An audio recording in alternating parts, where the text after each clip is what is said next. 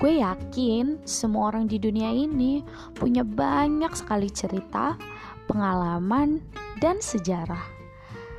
Dan gue yakin kalian semua udah melewati banyak hal sehingga bisa bertahan sampai sekarang.